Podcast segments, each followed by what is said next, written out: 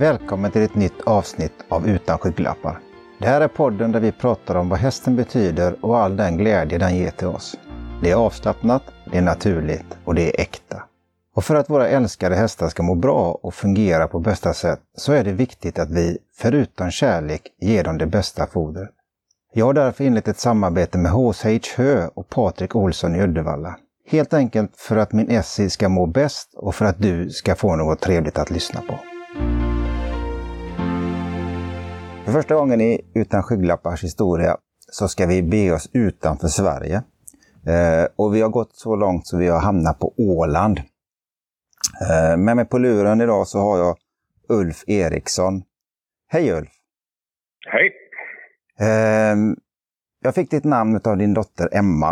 Eh, du, har, du är, är det femte eller sjätte generationen som håller på Ja, med? det är lite, ja, det är väl lite svårt om det är femte eller sjätte, men många är vi i alla fall. Så jag vet att min pappa höll på och farfar och farfars far vet jag åtminstone höll på. Och, på den tiden så fanns det ju hästar liksom i alla generationer, så det, det är mycket, kan mycket väl vara så länge. Ja, det är spännande. Eh, och du har hållit på med varmblod. Ja, jo, jag hade väl... När jag var 17-18 så körde jag väl en, en kallblod en gång, men, men min erfarenhet av kallblod är väldigt litet. Så det, det, det var det mestadels för din del att du har kört med, med varmblod i det läget. Ja, jo, det, det är min grej om man säger så.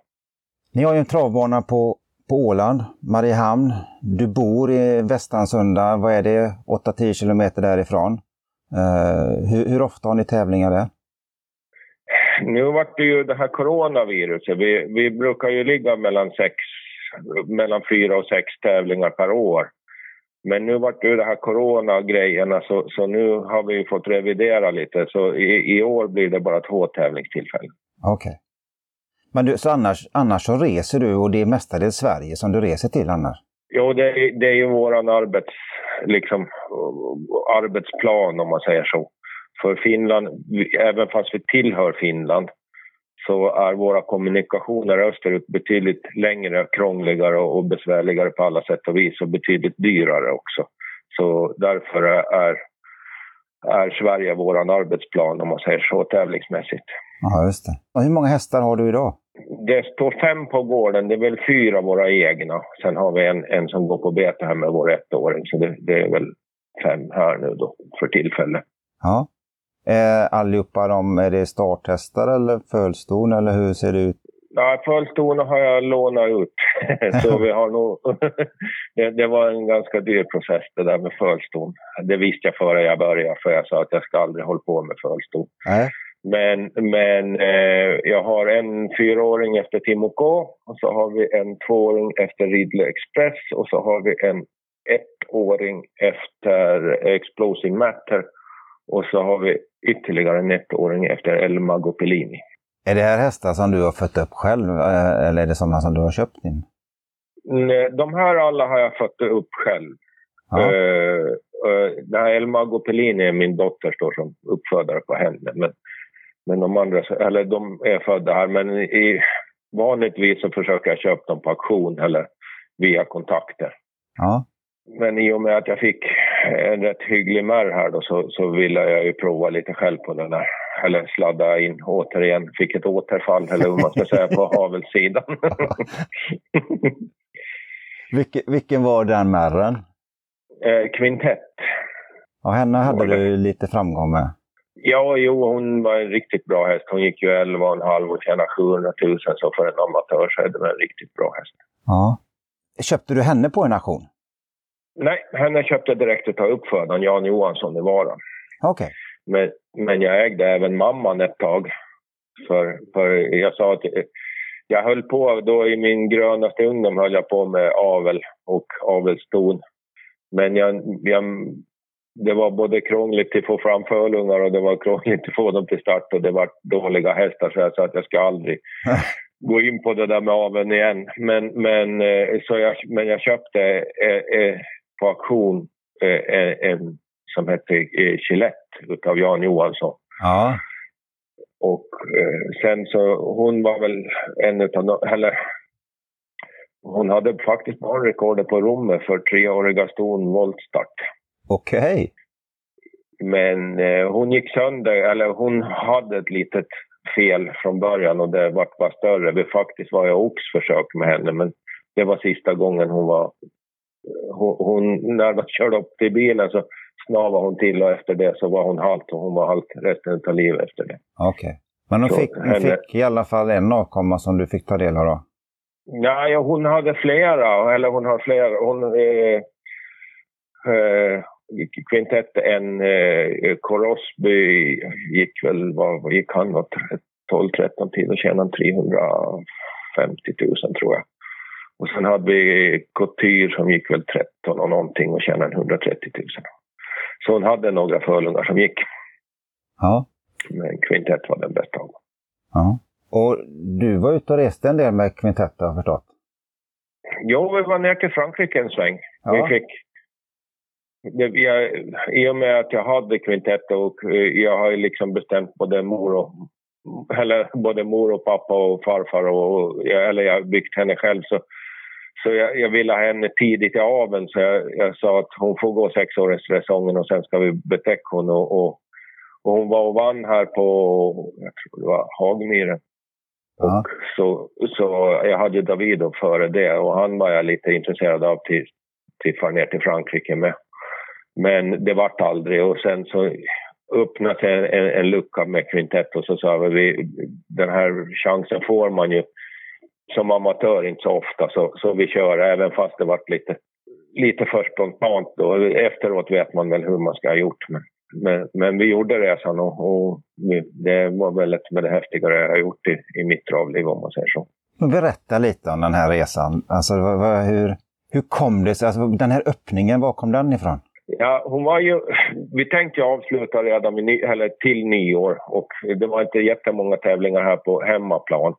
Och, och, och så kom min systerson och han visste att jag haft de där planerna. Då han kontrollerade proppar i Frankrike och sa att nu har du en chans att sticka, att, att, att här, här, här, finns det lopp för hon. Och, och, och, nu har hon vunnit och hade poäng, eller poäng räknas ju inte i Frankrike. Men, men hon, hon står rätt bra med pengar så, så sa han att, att om du vill fara så är det nu eller aldrig. Så, så då, det, det var en ganska snabb process från det att, att tanken väcktes tills, tills vi var på väg. Så sen kontaktade jag Demmers för han hade filial på, eh, hos Ulf Nordin. Okej. Okay. Och i och med så, det, så, så hamnade jag dit då till hans gård. Den hette Formier, den där byn tror jag, ja. som vi var. Så där var, jag åkte med ner, på, med, ner med Åby hästtransporten ner till Frankrike och så var jag där en vecka tills vid första starten. Sen var jag tvungen till far hem. Men hon var väl kvar där några, någon månad i alla fall var hon där. Ja. Hur gick det då?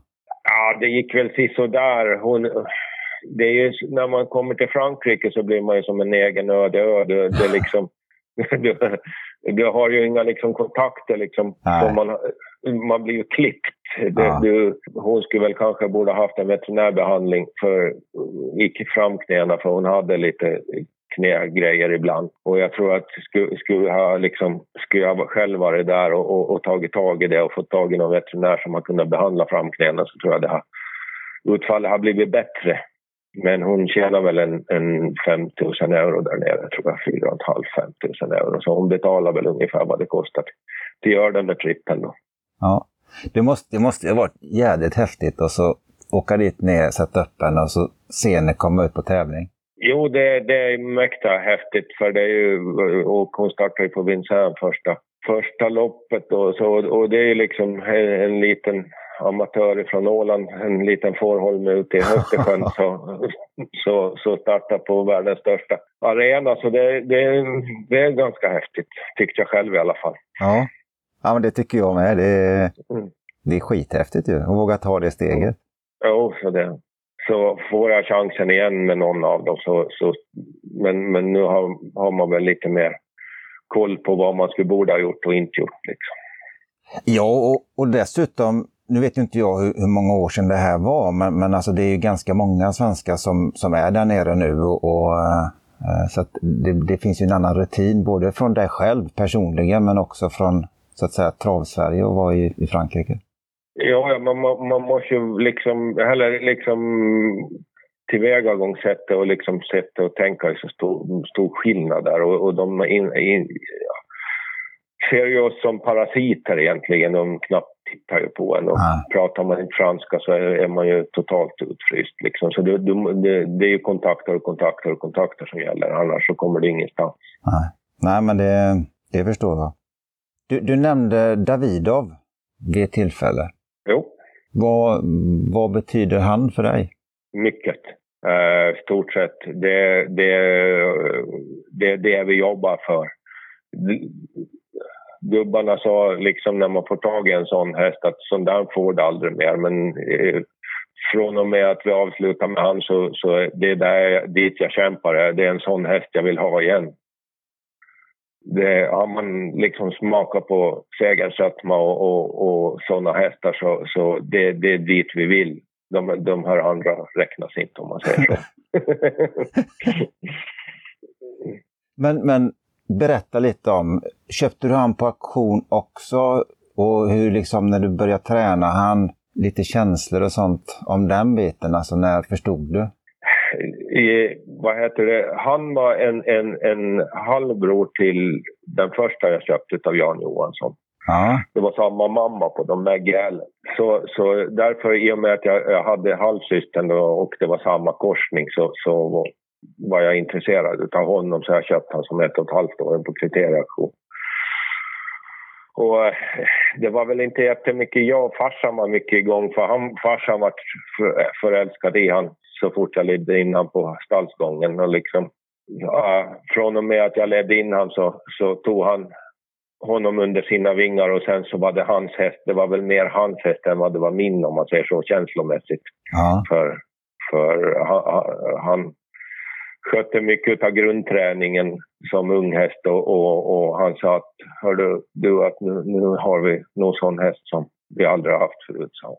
Alltså. Många gånger har jag sagt att ja, vi ska lugna oss lite för jag vet att vi har, har, har trott det förut och, och det har misslyckats radikalt. Så, så vi, vi, vi, vi, vi kan inte dra våldsamma växlar förrän vi har bevisat det. Men, men, men han, han stod på sig uh, hela tiden och sa att nu, nu är det här någonting vi, vi har väntat på.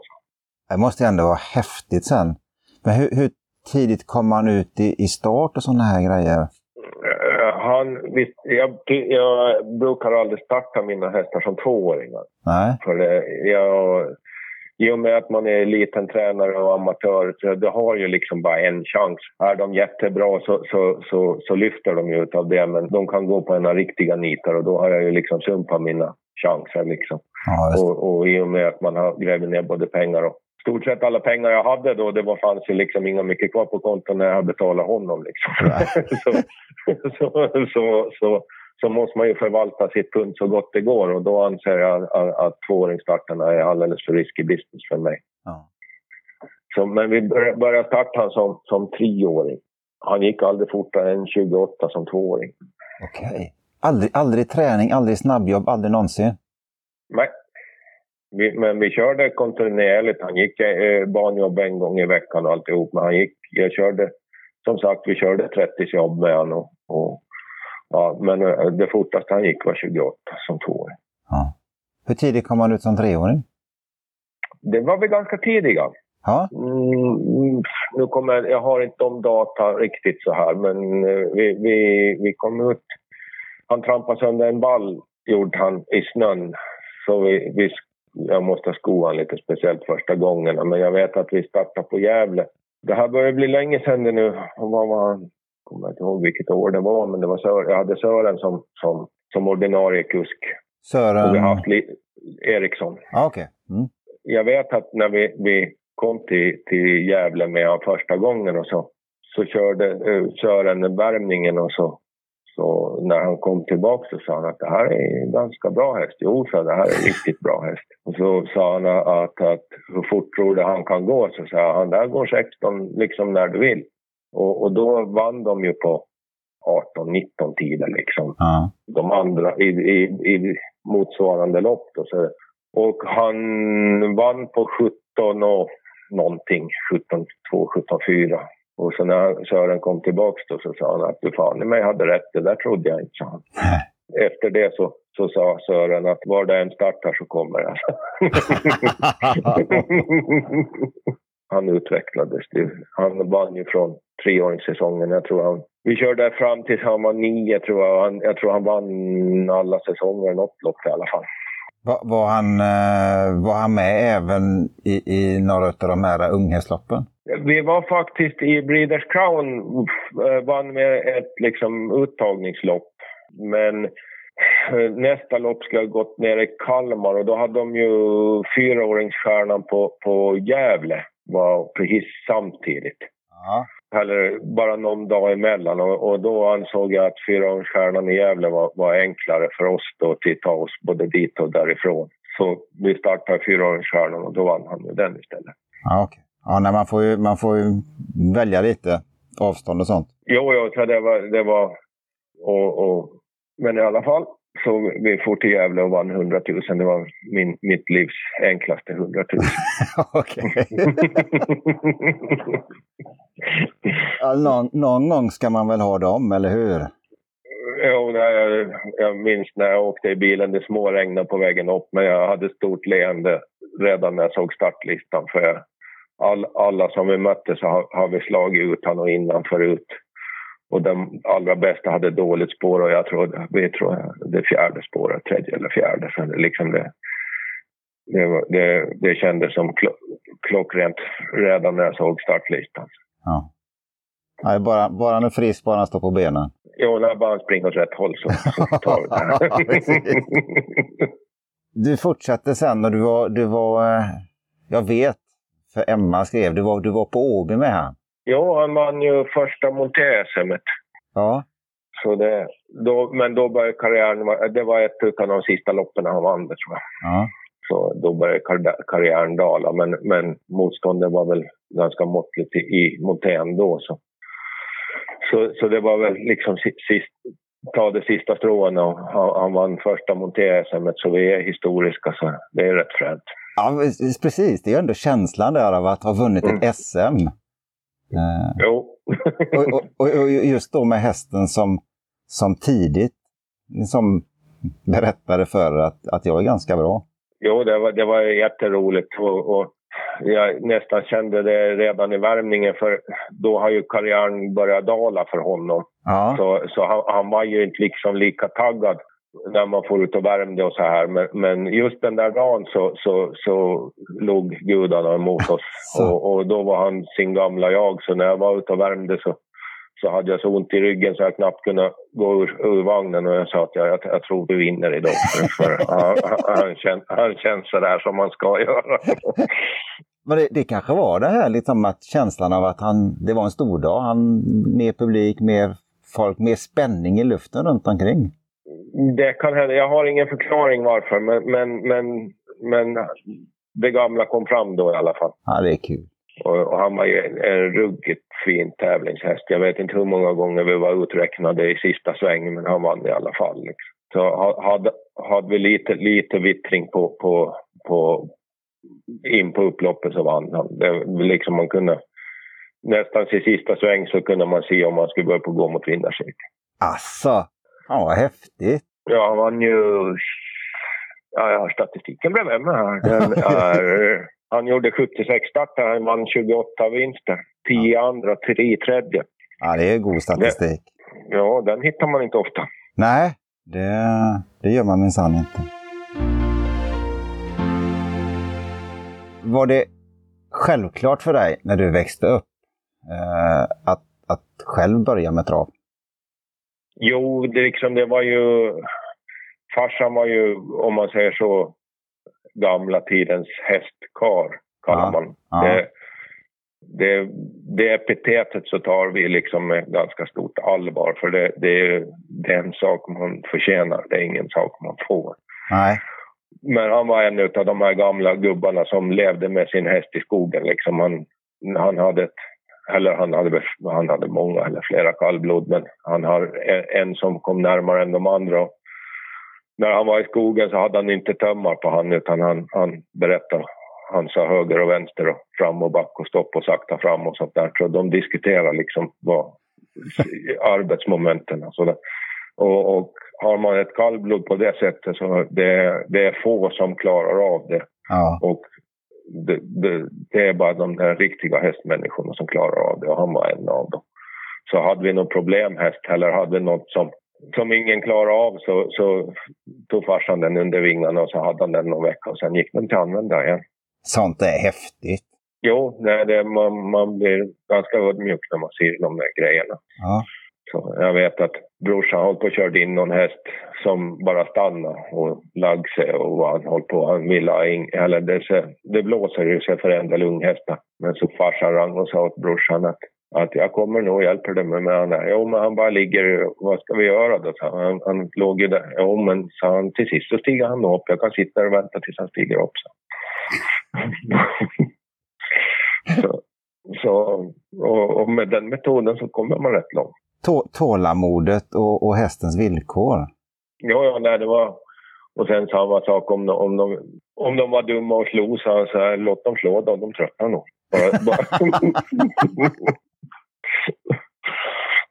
så, men, men, det krävs en ganska stor erfarenhet och, och liksom eh, är man själv där och, och de börjar konstra liksom, så är det ju lätt att gå emot eller försöka göra någonting åt det. Men just det där lugnet att sätta sig ner och vänta tills, tills stormen är över. Det, det, det är speciellt om du kör en häst och det spelar ingen roll om du har en, en, en stacke timmer bakom eller om du sitter i, i en långvagn eller sölke eller något sånt. Alltså det, det är ju rätt stark kraft vi har framför oss och, och, och börjar han då konstra och, och ta sig till så som sagt eh, det kräver ett speciellt sinne att kunna säga och låt dem slå då. jo, jo, det, det, men i alla fall så, det, om man säger så, det, häxkunskapen har jag lärt mig utav hand då, eller hur man ska säga. Ja. Sen har man ju snappat upp resten under vägen. Men eh, varför, eller jag har ju varit intresserad utav travet eller häst eller djur eller hur man ska säga från första början. Jag hade ju mina systersöner håller ju också på. Vi, vi tävlar med kattungarna och lekte att de var hästar. De hette, hette Speedy Cat och Express Cat och vad de hette. Så, så han drog, drog två, två streck i grus och så, så, så såg man vem som skulle vinna. Så det, vi har ju hållit på och sen så fick, när vi var, ah, vad var jag, 12-13 så fick de eh, en Connemara ponny och den körde vi väl mer eller mindre livet ur då. Okej. Okay. Och eh, sen efter, när jag var 16 så köpte jag min första del av farsan. Okay. Så eh, vi, jag har väl aldrig, jag har väl liksom alltid hållit på, jag har aldrig börjat om man säger så. Men hur, hur, var, hur var det, du sa, du sa att Davidov, det tog din farsa hand om. Har ni alltid jobbat sida vid sida och, och har det till och med varit så att din, kanske din farfar också har varit med och jobbat? Nej, min farfar dog före jag var född. okay. Ja. Men, men, men farsan och han, eh, han var ju mera hästhandlare liksom. Han köpte och sålde och bytte och det var det. Han, med, utav historierna som jag fick ja. berättade för mig så var han mer hästhandlare än vad han var eh, annars då. Men, men, men så eh, han köpte eh, han köpte krångliga hästar, som, sånt som folk inte klarar av och sen så kom han hem och satte dem i stallet så fick farsan ta hand om dem tills de gick till an använda och sen så sålde han dem igen. Det låter som, låter som en bra kombo egentligen. ja, det var hans grej. så, så, och, och, därför fick farsan ganska, eller han fick ju mycket erfarenhet på det sättet. Ja, det är klart. Han hade, han hade kanske inget val i det läget utan det var... Nej, han var ju, hitta, men han var ju gruvligt intresserad också liksom. Ja. Det, uh, du måste förstå, vi är, vi är ett gäng nördar. Liksom. Vi, vi, vi, vi vaknar och, och, lever och går och liksom känner man inte hästlukten så är man inte hemma. Liksom. Så det, det, och han var intresserad även av exteriör och avel. Han var ju också nu var det ju ganska smalt, men han var ju också, när de hade stamboksintagningar och sånt så var han med och gjorde exteriörbedömningar. Så det har jag också fått med mig, liksom att, att när man köper häst så är exteriören enormt viktig. Ja.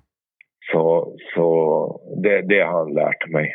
Hur, hur, och sen så har man ju lär, läst Sören Nordins travskola och hela det här köret, det som han fostrar både Melander och alla de här andra stora gubbarna Så lägger man ihop det där då så, så för jag är extremt intresserad, även avelsintresserad, även fast jag inte tycker om själva uppfödningsbiten då med, med själva blodslinjer och sånt, så det gillar jag. Ja. Men du, du, du, jobbade, du och din pappa jobbade mycket ihop då med, med hästarna? Jo, ja, vi, uh. vi hade ju dem i bolag, eller vi ägde alltid, det var alltid den som ägde så ägde och den bestämde hästen, det är inte frågan om. Men sen så jobbade vi sida vid sida och jag jobbade ju, det var ju rätt stor åldersskillnad på oss men han var ju med och körde häst ända upp till, han var ju långt över 80 när han körde häst. Okay. Jag, jag, han var ju dålig i benen eftersom han åkte ut för en olycka med en häst som sparkade ett ben av honom och de lappade ihop det dåligt så han hade ju knäna jäkligt dåliga. Så, men jag selade på åt honom och, och och fixade till hästarna och sen satte han sig och så for han ut och körde liksom. Och sen när man, han kom tillbaka så fick jag ta hand om dem igen. Men, men vi körde liksom, vi bytte om och körde hästar kors och tvärs. Men, men, men han var ju alltid med och körde och sen så på slutet när han inte körde så var han ju alltid med när man körde fort. Och sen kom han och sa att nu hörde, hade ni kört för fort eller nu skulle du inte göra så där utan du ska göra så här istället. Det, det, det, är lite den biten som är så, hur, hur var du när, när din pappa kom? För jag vet ju själv hur det är när man jobbar med, med släktingar och föräldrar och, och barn och sånt där. Men, men hur, hur liksom var relationen i det här läget? Kunde ni dra lika? Jo, nej, det hade vi. Det liksom jag hade stor respekt för. För han kom inte och sa ja. om det inte var liksom och jag vet att han hade liksom, projektet var vårat. Det var liksom, han såg inget prestige i liksom vem Nej. som har gjort vad, utan, utan det var resultatet som var det viktiga. Så, så eh, liksom på det sättet, jag, det är klart under ett, vad var det, 40 år eller 45 som vi jobbar sida vid sida. Nej, 40, ja 35. Ja. Så, så det är klart att man, man, man, det gnisslar ibland men det, det gick aldrig liksom på kvällen att man tyckte att uh, uh, uh, det, var, det klarnade rätt fort. Vi hade inga stora saker liksom, ah. som, som, som gnisslade om man säger så. Vi jobbade i stort sett sida vid sida hela tiden liksom, och hästarna var bara en del av det. Ja, just. Ja, för ni, ni hade en, en riktig eh, jordbruksfastighet med, med kor, eller hur var det? Jo, vi var mjölkbönder till fem år sedan. Ja. Så, så. Och hur, hur, många, hur många kor hade ni i det läget också? För det är inte heller någonting som sköt sig själv. Nej, vi hade, vi hade ett 30-tal när vi hade som mest tror jag. Och, men med ungar och alltihop så då låg man ju på en 70-80 nöt. Ja. Nu är det liksom våra arealer mot, mot svenska arealerna. Är ju liksom det, vi är ju bara torpare jämförelsevis. Så vi, jag odlar runt 30 hektar plus lite arrenderat så jag låg väl på en 40-45 hektar totalt då. Men sen har vi 100 hektar skog också. Men det är ju ändå, det är ju ändå en, i alla fall för ett antal år sedan, en normal svensk medelstor gård skulle jag säga. Ja. Om man slår samman både skogen och den biten. Så att det är ju, det är ju rejäl areal. Sen är det ju inte gå att jämföra kanske med de stora, stora gårdarna som vi har idag framförallt. Uh, utvecklingen här gick ju... Vi, vi, vi levde i en skyddad verkstad ända fram till EU eftersom Finland var utan mat uh, på, i kriget. Då, så det, vi, det var ju liksom... Jordbruket var sanktionerat och i och med att vi var på Åland så har vi lite bättre klimat än, svensk, än finska sidan, om man säger så. Ja, just ja. Så, så vi, eh, jordbruket på Åland levde ganska ganska gott fram till EU-inträdet. Och, och, övergången var också helt okej, okay, men sen efter att, att, att de här hjälpinsatserna, eller övergångsinsatserna, tog slut så, så då, då var det ganska fort kärvt om man säger så. Ja, ja det, det är som sagt, det, det har förändrats mycket på den tiden. Vi har väl i Sverige, det är väl i stort sett ett jordbruk som läggs ner varje dag. Ja, det, det, vi har ju samma trend här. Vi, liksom, vi var, det har varit 15, 20, kanske 25 gårdar på de sista fem åren har farit här. Liksom. Men blir det, blir det som, som här flyttas ju allting över och blir ju hästgårdar eh, egentligen. Är det samma sak på Åland? Vi har ju haft mycket häst. Vi hade ju en bom här för 15-20 år sedan så det, det, finns rätt mycket häst. Och det finns ju hästgårdar lite runt omkring här men, men just nu så, så känns det lite som dra, travet jobbar i uppförsbacke. Liksom. Det har slutat fler än vad som börjar. Och, ja, ja. Vi hoppas att det är en generationsväxling, att, att vi får in nytt folk då. Men, men den trenden kanske är också i Sverige.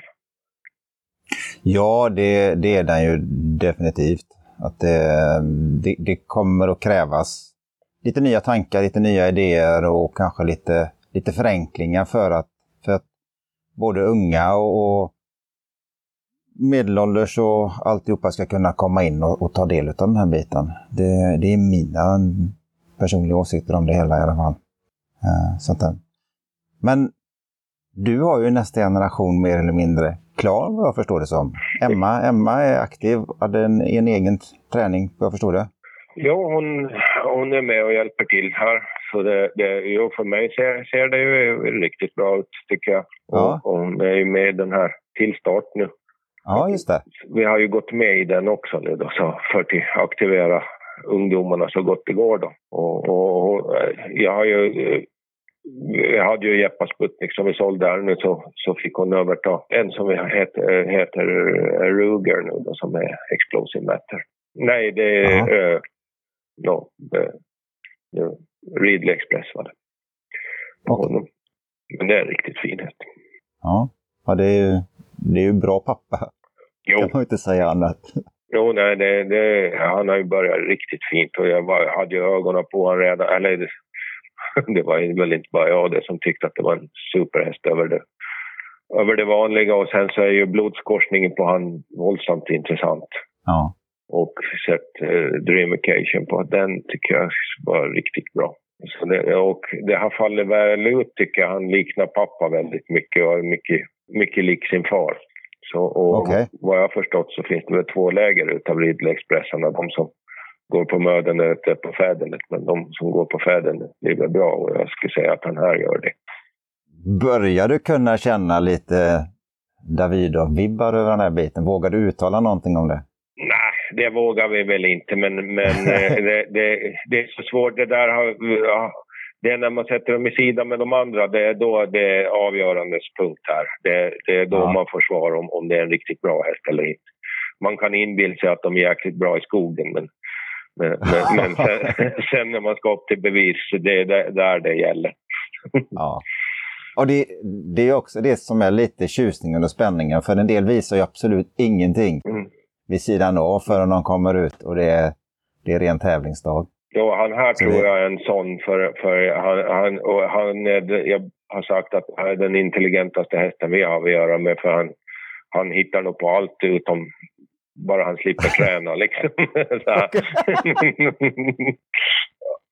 så, så ja, han hittar alla vägskäl som finns. Och han, han, han ja. brukar sig absolut inte mer än man måste. Okej. Och då har du nästa läge i det hela nu då, att nu jobbar du då tillsammans med din dotter och, och för dina kunskaper vidare. Liksom. Hur, hur känns det? Ja, men det är ju det, det är väl den vägen livet ska gå liksom. Det är väl, ja. Och om man lyckas med det så har man väl lyckats i livet, tycker jag. Och visst är det roligt att, att föra traditionen vidare, för vi, det, det, är ju mycket tradition och det är ju liksom hästkunskapen, så den får man ju inte på en eftermiddag. Så, och, och, det är många som, som kommer och provar och sånt här och de vill ju gärna köra häst. Det är ju liksom det som är grejen med så att ska du lära dig häst så finns det eh, Grimskaft, det är en av de bästa lär, lär Utan ut, på, ut i skogen och en, en häst i andra änden. Så det är då du lär dig häst. Ja, i de enkla sakerna. Jo, så det, det, det, det är mycket mer lärdom än bara att sätta upp och åka. För det, det kan vem som helst, stort sett. Ja. Det har varit spännande att prata med dig Ulf. Jättekul att höra din historia utifrån Ålands sida med med det travet som ni har där och det ni gör. Uh, och, och uh, jag är jättetacksam för att du ville vara med här idag. Uh, och önskar dig och, och då också Emma lycka till med allting som ni gör. Jag får tacka så hemskt mycket. Mm. Ha det gött! Och välkomna till Åland om någon har starthästar som för vi brukar alltid brottas med att vi har lite för dåligt med häst. Är det någon som känner att de skulle tycka det var roligt att komma till Åland och starta så är ni hjärtligt välkomna. Sätta oss och kolla propositionerna nu då så vi kan få ihop lite fylla färjan? Ja, vi har riktigt bra proppar på gång här nu till den 26. Ja, vad spännande. Ja. Ja, men ha det gott! Detsamma. Tack så länge. Tack, hej. hej. Vi tackar dig för att du har lyssnat på Utan skygglappar. Det här avsnittet presenterades av H.C. Hö och Patrik Olsson i Uddevalla. Vi hoppas självklart att du gillar det du har hört och att du följer oss i din spelare samt delar det vidare till dina vänner. Tack så mycket!